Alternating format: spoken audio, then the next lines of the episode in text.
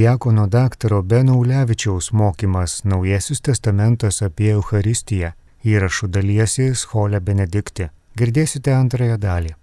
O šiandienos tema yra Eucharistija. Ir kaip čia yra su ta Eucharistija? Sudėtinga iš karto. Kodėl?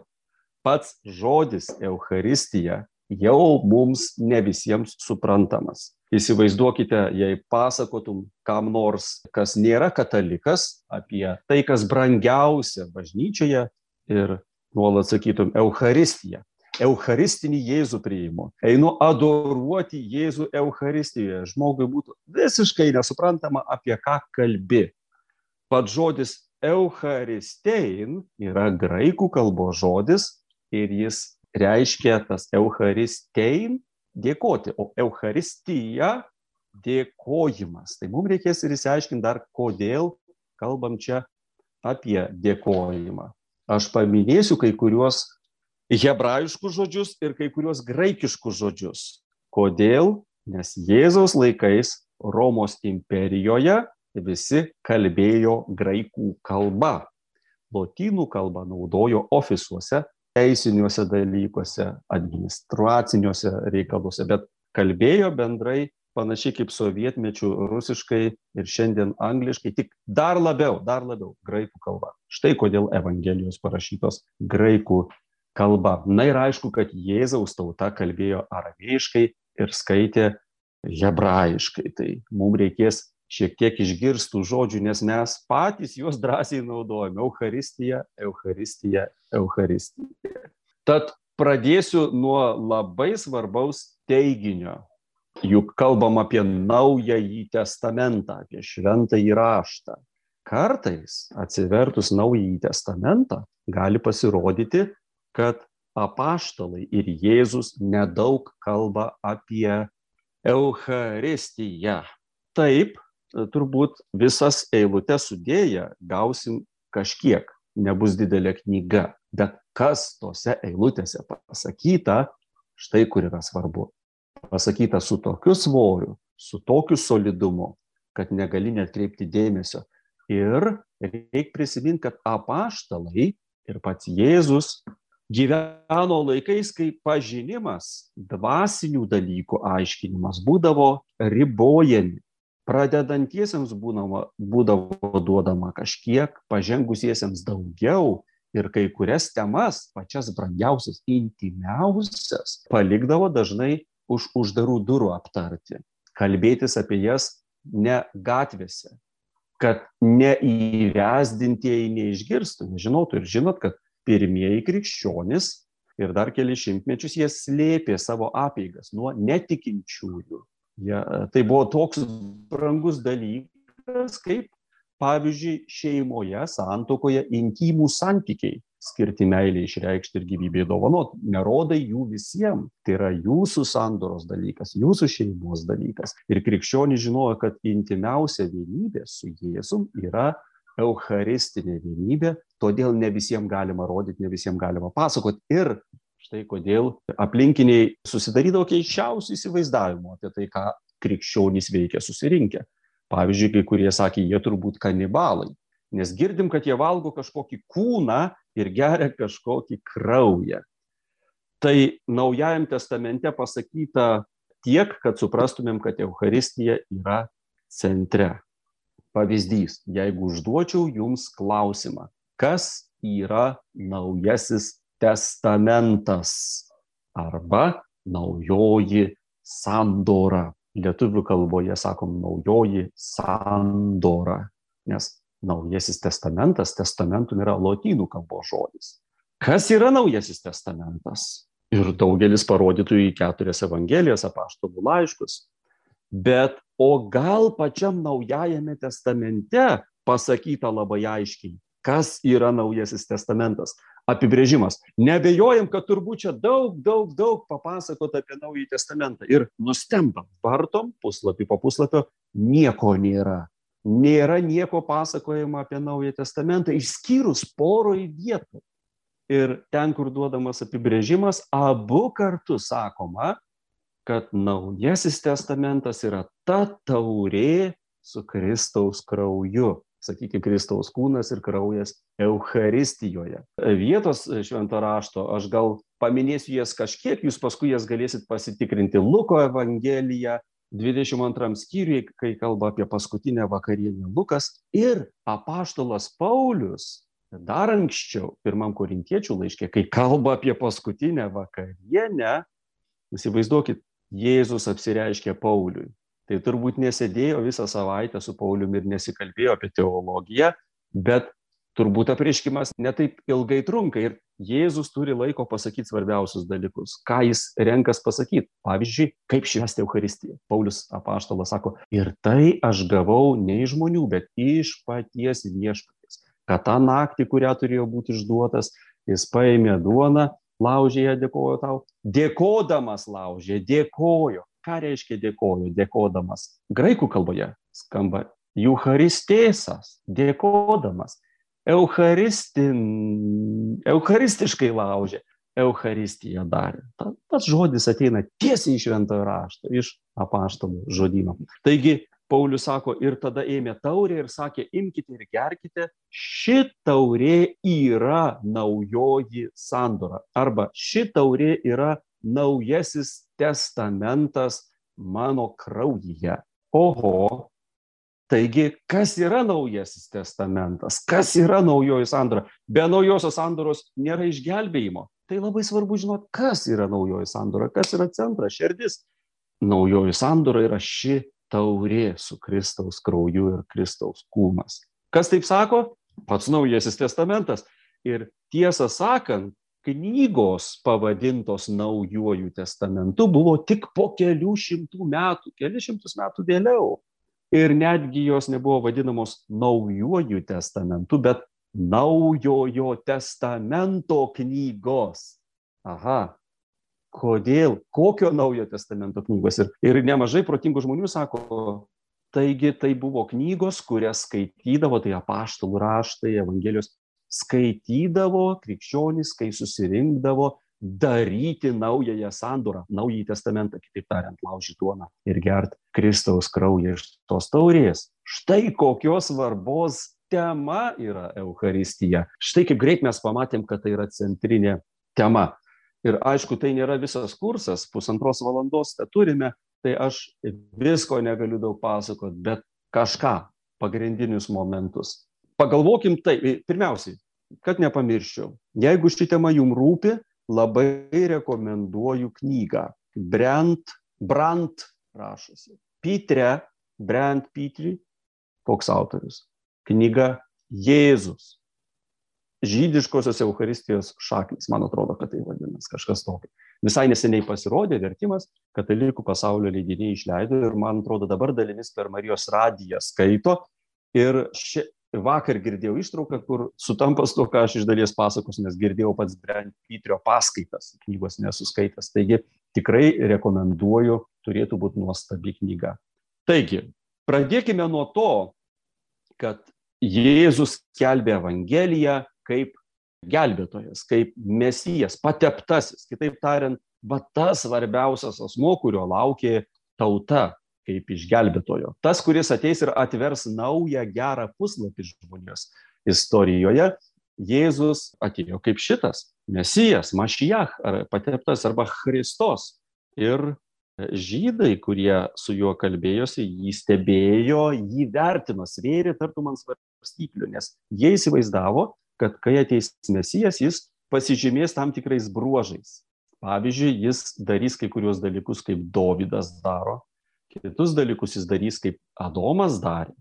Tas mesijas, Jėzus turi būti naujas Adomas, naujas Dovydas, bet labiausiai visi laukia, kad jis bus naujasis Mozė. Ir kartais mes nustembam, nes mes tiek esam pripratę e, prie Jėzaus kaip prie naujojo Dovydo, turbūt dėl psalmyno, nes visos psalmės kalba apie Jėzų kaip Dovydo palikuonį, kad nustembam, kai perskaitom apaštalų darbus ir matom, kad apaštalų darbuose, pavyzdžiui, tiek Steponas, tiek Petras, kai skelbė Evangeliją, gerą naujieną, žydam klausytojam, jie nemini kitų praktiškai dalykų, bet svarbiausias akcentas yra, kad Jėzus pirmiausiai, kad Dievas Mozei pažadėjo ir aš pakelsiu pranašą tokį kaip tu Moze iš tautos, iš jūsų tarpo. Ir tiek Petras, tiek Steponas, Petras po sėkminių kalbėdamas, sako, ir Jėzus yra tas pranašas iš didžiosios raidės. Jis tas yra naujasis Mozė. Tad žydai stebėdami Jėzų žiūrėjo, ar jis panašus į Mozę ar ne. Ką reiškia būti panašiu į Mozę? Pavyzdžiui, Mozė, kai gimė, buvo persekiotas galingo faraono. Taigi Mozė paslėptas buvo, atsimenat, pintinė plukdomas Nilo upė, kol jį surado faraono duktė. Jėzus mažasis gimęs yra persekiojamas kito piktojo valdovo, erodo. Jį reikia slėpti, jis turi slėptis. Aha, jau įdomu. Žinome, kad Mozė išvedė tautą iš nelaisvės. Taigi, Jėzus išveda tautą iš nelaisvės, bet Mozė vedė tautą iš nelaisvės per Jordano upę į pažadėtąją žemę. Jozuje jau tą padarė, bet Mozė rodė kelią ir per Jordaną tautai įėjo pažadėtą žemę. Jėzus ateina iš karto prie Jordano ir atsiveria ne Jordano vanduo, bet atsiveria dangus, nes Jėzus veda į dangaus pažadėtąją žemę. Mozė davė duonos dykumoje ir Jėzus daugina duoną dykumoje. Aišku, Mozė davė maną dykumoje. Jėzus sakė, Mozė davė į duoną, kurią valgė su protėviai ir mirė. Mozė užkopė ant kalno, kalbėti su Dievu ir kai nusileido nuo kalno, veidas buvo švytintis. Jėzus užkopė ant kalno ir jo veidas švyti, lygiai taip kaip Mozės. Beje, Mozė, kopdamas ant kalno, pasėmė tris draugus. Du iš jų buvo broliai, Arono sūnus, ir trečiasis buvo Aronas, vyriausiasis kunigas. Taigi Mozė, kopdamas ant kalno, ima tris draugus, du iš jų yra broliai - Jonas ir Jokūbas. Kas yra trečiasis tuo metu? A, iškart supranti, Petras yra naujojoje karalystėje vyriausiasis kunigas.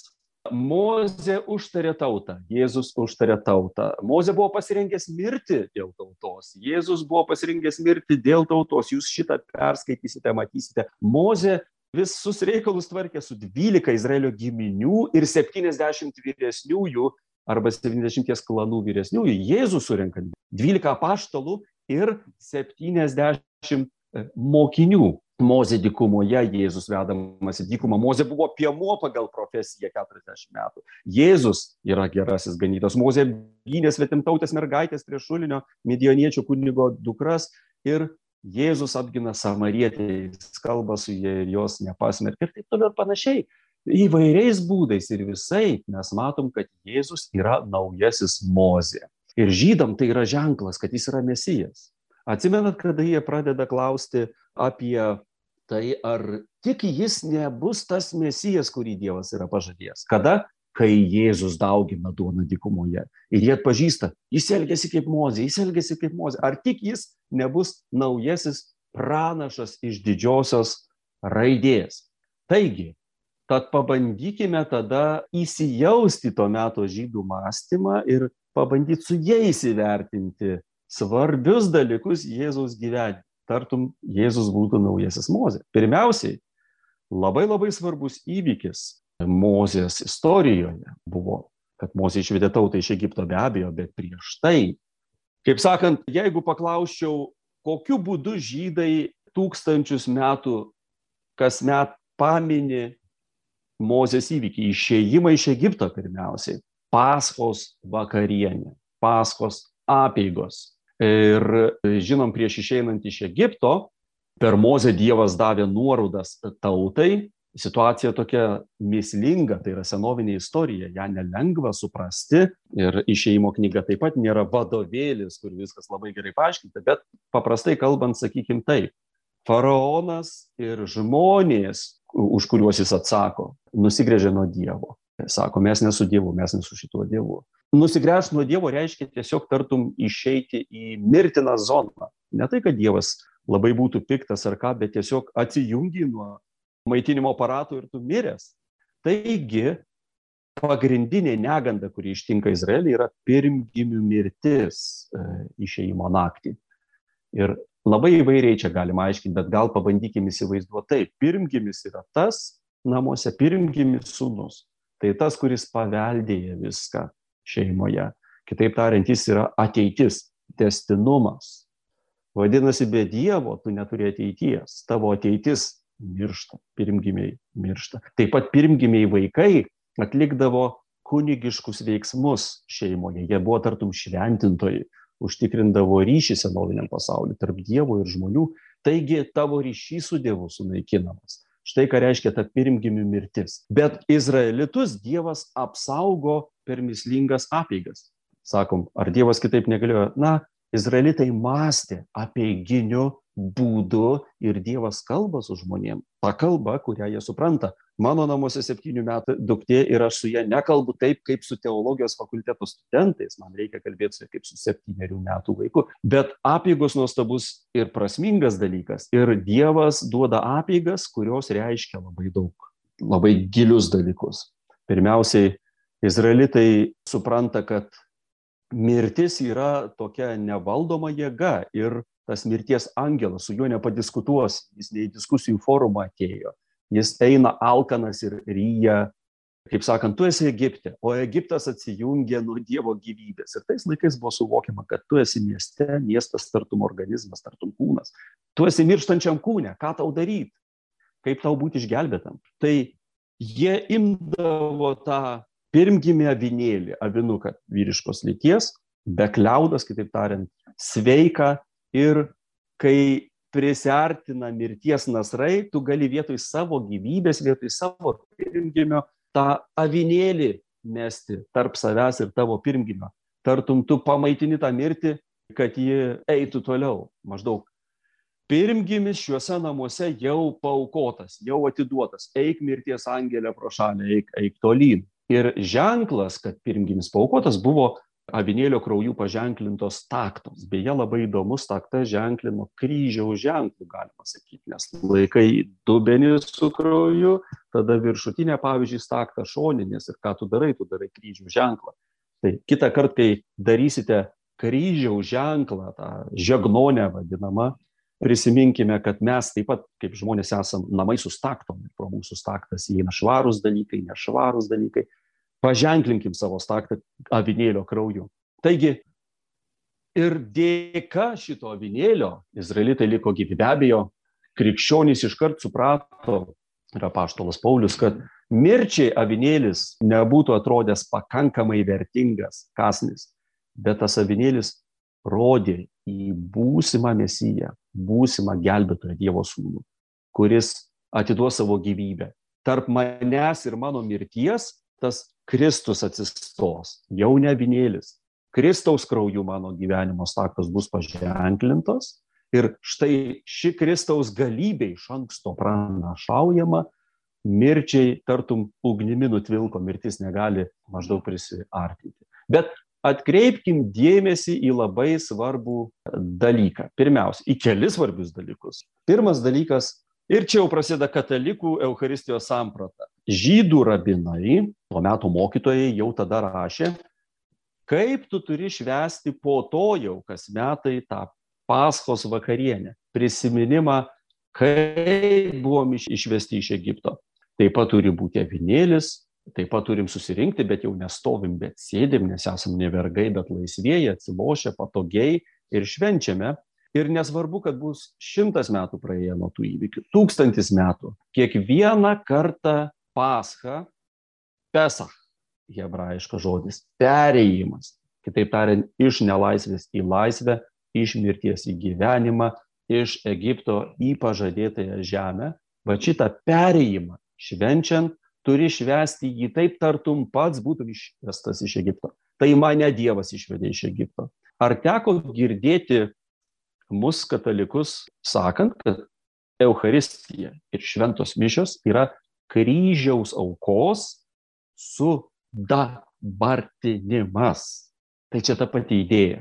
Kiekvieną kartą atėję laužyti duonos, švęsti savo Velykų vakarienę, mišes, Euharistiją. Mes darom tą taip, tartum patys būtumėm išvesti iš mūsų nuodėmės Egipto. Kitaip tariant, tartum patys būtumėm su Jonu ir Marija stovėjo po Jėzaus kryžium ir dalyvavę jo mirtyje. Ir išvada rabinai rašo apie tai, kad jeigu tu suvoki, kad tave išvedė Dievas iš Egipto, tada tu dėkoji.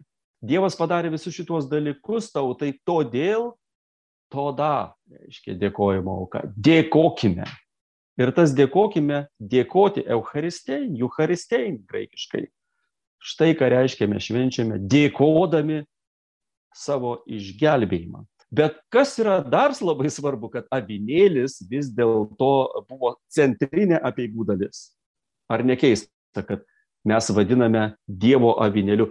Rodo kunigas, o tiek duona, ar ne? Ir mes atsiklaupę sakom, Dievo avinėlį, kuris naikini pasaulio nuodėmės, cituojam Joną iš Jono žodžius apie Dievo avinėlį Joną Krikštytoje. Bet žvelgdami į tą duoną, avinėlis būdavo centrinė valgymo apieigų dalis. Ir tu privalėjai suvalgyti avinėlį. Visą. Turėjo nieko nelikti. Negali būti ten atseit gerai, visas apeigas atliksiu, bet aš vegetaras, atsiprašau, mėsos nevalgau. Problema didelė, bėda, tavo pirmgimiai mirs, tada tu neturi ateities, kitaip tariant, mes dabar mėgstam pagalvot naują idėją ir mums atrodo, kad tai yra religija arba mūsų gyvenimas su Dievu ar kitais asmenim. Galvoju maždaug, esu geras ir šventas. O anomet žmonės puikiai suprato, tavo santykis tiek su Dievu, tiek su kitais žmonėmis ir su savim yra veiksmas, ne vien mintis. Tai tas valgymas rodė, kad didžiausio lygio intimumą tauka neša tavo likimą. Tad jeigu krikščionys atsigręžia, sako Jėzus iš karto pirmojo paštumų kartoj, maždaug Jėzus Kristus yra mūsų avinėlis, tai žydas iš karto sako, palauk, tai kaip jūs jį valgote? Tu turi kažkaip jį valgyti, kažkas turi jį, tą Jėzų reprezentuoti, jis turi patekti į tave. Jūs krikščionys sakot, kad jūs švenčiate ne žydų Velykas, bet krikščionių Velykas. Kitaip tariant, ne žydišką paskos vakarienę, bet krikščionišką paskos susirinkimą. Tai palabė, tai paskui, kaip jūs valgote paską. Paska ne taip švenčiama. Paska yra valgoma, valgyti paską. Turi būti valgymo veiksmas. Tai pamėginkim šitą prisiminti Jėzus panašu tą labai gerai žinojo, nes Jėzus nekarta kalbėjo apie valgymo svarbą, ypatingai matysime Jono Evangelijos šeštam skyriuje. Va, pirmas korintiečiam laiškas, penktas skyrius sako, tai kitaip tariant, apaštalas Paulius, gal 20 metų po Kristaus, maždaug prisikėlimo, sako, jau paaukotas arba paskerstas, papjautas mūsų paskos avinėlis Kristus. Tai vien atsisėdus, Kristus yra paskos avinėlis. Ir ką tu turi matyti? Stalą, ant kurio avinėlis, jis turi būti visas suvalgytas. Jis be kliaudos, jis be nuodėmės, jis atrinktas ir netgi, matot, kaip įdomu, biblistai pastebi tyrinėtojai Biblijos, kad kai kunigai, teisė ir rašto žinovai ir tauta Jėzų suėmė jį teisę, jie elgės tartum Jeruzalės šventyklos kunigai, kurie tikrina, ar paskai skirtas avinėlis yra be kliaudos, kitaip tariant, jis nenususęs, ar jis nesergantis, ar jo koja nelūžus, ar kaulai nelūžę. Tai rašto aiškintojai kunigai tauta susirinkę, Jėzų mėgina kaltinti. Ir, ir tą ir kitą. Ir jie neranda jokios jame kalties. Taigi jis tikrų tikriausias paskos avinėlis, jis tinka, nes jis yra tikrai ir pirmgimis, ir be kalties. Ir tada tartum jie sako, tinka ir veda jį aukoti ant kryžiaus altoriaus. Įdomi mintis, labai svarbi, ar ne?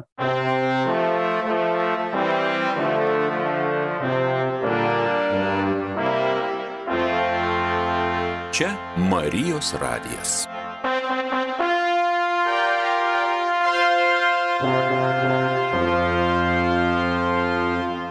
Gerai, aš tikiuosi, kad jūs ten dar gyvi ir sveiki ir tęsiu toliau.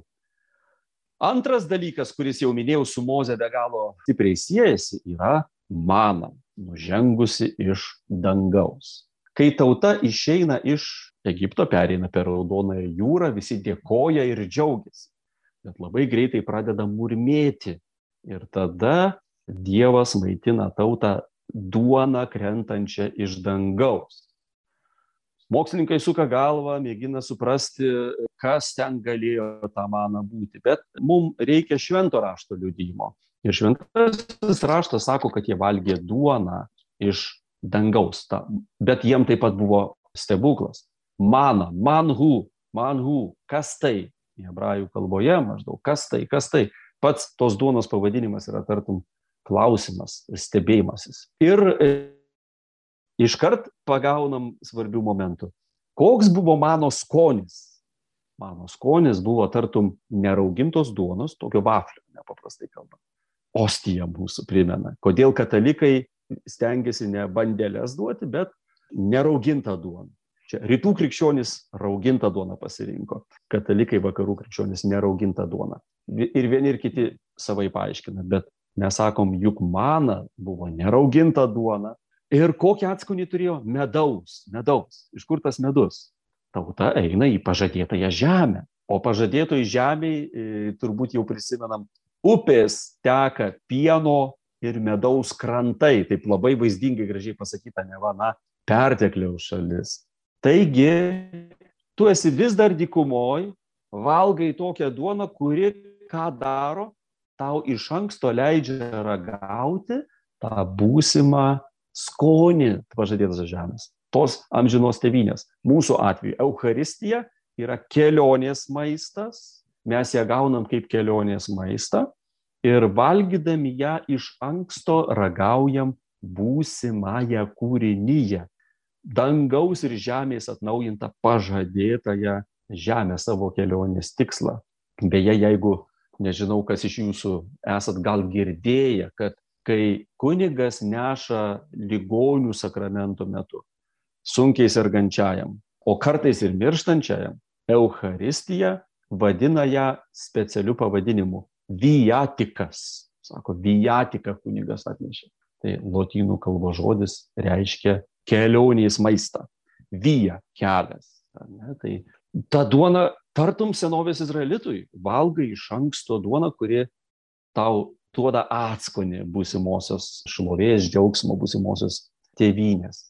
Kas dar? Galėtumėm paklausti, o iš kur mes galėtumėm šiandien žinot, kad Euharistija, kurią mes laužom ir valgom, kad Euharistija yra kažkas daugiau nei simbolis.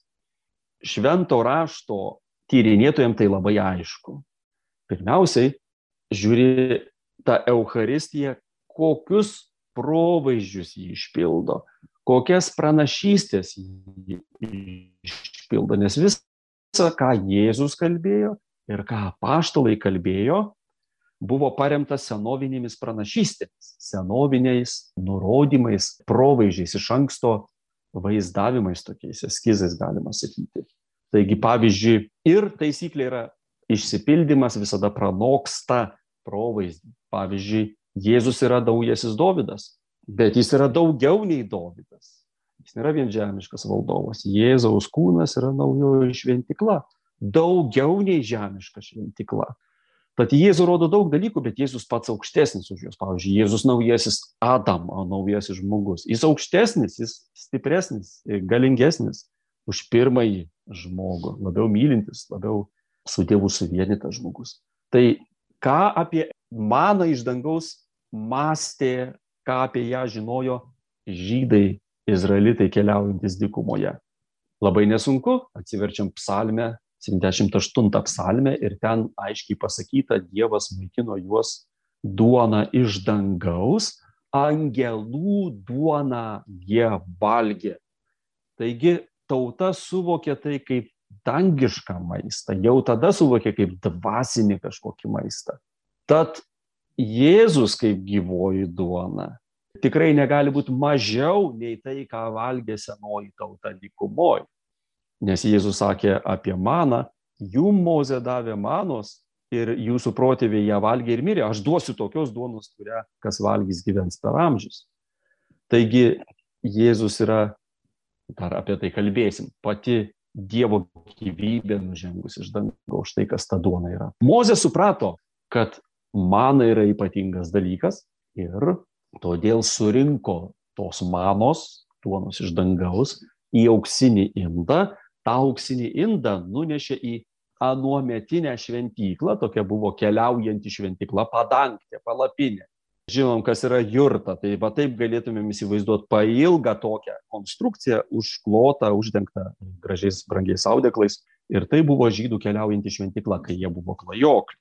Ten buvo pati švenčiausia vieta, vadinama šventų švenčiausia. Tai yra šventoji vieta, šventesnė vieta ir švenčiausia vieta. Taigi toj švenčiausiai vietoj buvo sandoros skryne, ir Mozė nunešė ir padėjo tą duoną į tą sandoros skrynę. Padangtė šiaip jau lotynų kalba yra ta palapinė tabernakuliu. Ir staiga girdėtas žodis, mes kiekvienoje bažnyčioje turim tabernakulį. Ir kas yra tabernakulyje? Duona nužengusi iš dangaus, tokiam ale auksinė minde. Ir kaip Mozė šventykloj dykumoje priešais tabernakulio tą uždangą šventų švenčiausios vietos buvo septynšakis šviestuvas, kuris niekad nepaliaudavo degti, taip prieš mūsų tabernakulį visada yra lempelė, kuri dega. Ir virš sandoros skrynios buvo du aukso kerubai, angelai, lietė ankščiau, jie sparnais lietė vienas kitos sparnus. Ir štai todėl, kad katalikų bažnyčia dažnai abipus tabernakulio, pastebėkite, pavyzdžiui, ir Šiluvos koplyčioje ir daug, daug, daug kitur, daugybė kitų vietų. Rasit du angelus. Du angelai ar priklaupia, arba stovi, rodo į tą tabernakulį. Kažkas tarp angelų, štai kas tas tabernakulis yra. Ir jame yra duona nužengus iš dangaus. Tai žiūrėkit, jau vien keista ta mūsų tabernakulio praktika. Papasakok žmogui, kuris nėra katalikas, gyvenime negirdėjęs, sakys, na ir keisti jūs katalikai, laikot kažkokią duonelę, kažkokia minde, lentelė šviečia visada priešais. Ne, mes sakom, tai plaukia tiesiai iš švento rašto. Mes tuo parodom, kad mūsų Euharistija, ta duona, kurią mes laužom, mūsų avinėlis paskos yra išsipildymas senovinių pranašyščių. Pavyzdžiui, tos duonos dykumoje, pavyzdžiui, Mozės šventyklos reikalų, Mozės tabernakulio su septynšakiu šviestuvu. Mes čia turim išsipildymą. Ir aišku, Euharistija nenori likti tabernakulyje, ji nenori likti tam namelyje. Jos tikslas ir troškimas yra patekti kiekvieną iš mūsų, kad mes, mūsų kūnai virstų tabernakuliu, naująją šventyklą. Kągi, žygiuojame toliau.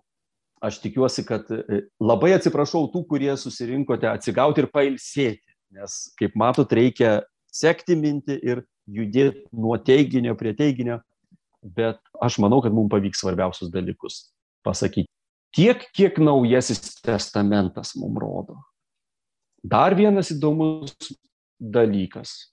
Mes, katalikai, turim labai keistą pavadinimą, kuriuo aiškinam, kas vyksta per šventas mišes. Kai kunigas tarė Jėzaus žodžius, imkite ir valgykite tai mano kūnas, imkite gerkite tai mano kraujas, tada duona virsta Kristaus kūnu ir vynas virsta Kristaus krauju žodis, kuriuo mes tą paaiškinam, yra toks keistas. Gal girdėjote, transubstanciacija. Ir tada sakai, ką tai galėtų reikšti. Tai aišku yra nelietuvių kalbos žodis, bet gana paprastas. Substancija lotyniškai yra esmė. Trans yra perkelimas, perkeitimas. Taigi, lietuviškai sakom, įvyksta esmė kaita. Ką turime omenyje? vis dar atrodo kaip duona, bet tai jau ne duona, o Kristaus kūnas. Vis dar atrodo kaip vynas, bet tai jau ne vynas, o Kristaus kraujas. Tai gal mes šitą prasimanėme viduramžiais, kai neturėjome ką veikti. Ne, šis žodis transubstanciacija, galim jį kildinti tiesiai iš Jėzaus žodžių. Atsimenat, kai Jėzus moko tėvę mūsų maldą, abu kartus dviejose evangelijose jis sako, ir mes turim vertimą, kasdienės duonos daug mums šiandien. Bet ten yra toks labai ypatingas žodis.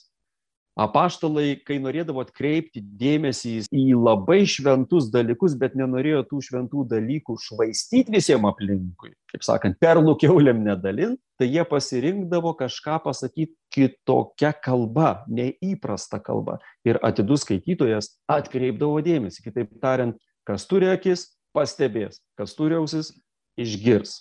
Taigi, kasdienė duona graikų kalboje, Evangelijos graikiškai parašytos, būtų hemeran. Hemera buvo tokia dienos deivė, prisimenat graikų mitose. Bet Jėzus čia, apaštalai sako, jis nenaudoja to žodžio Hemera.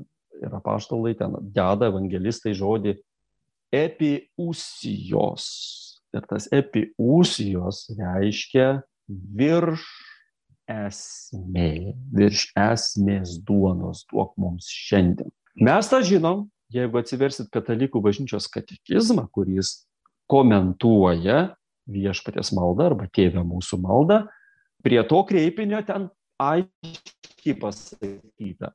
Galim žodį epiusijos versti paraidžiui ir gausim virš esminės duonos.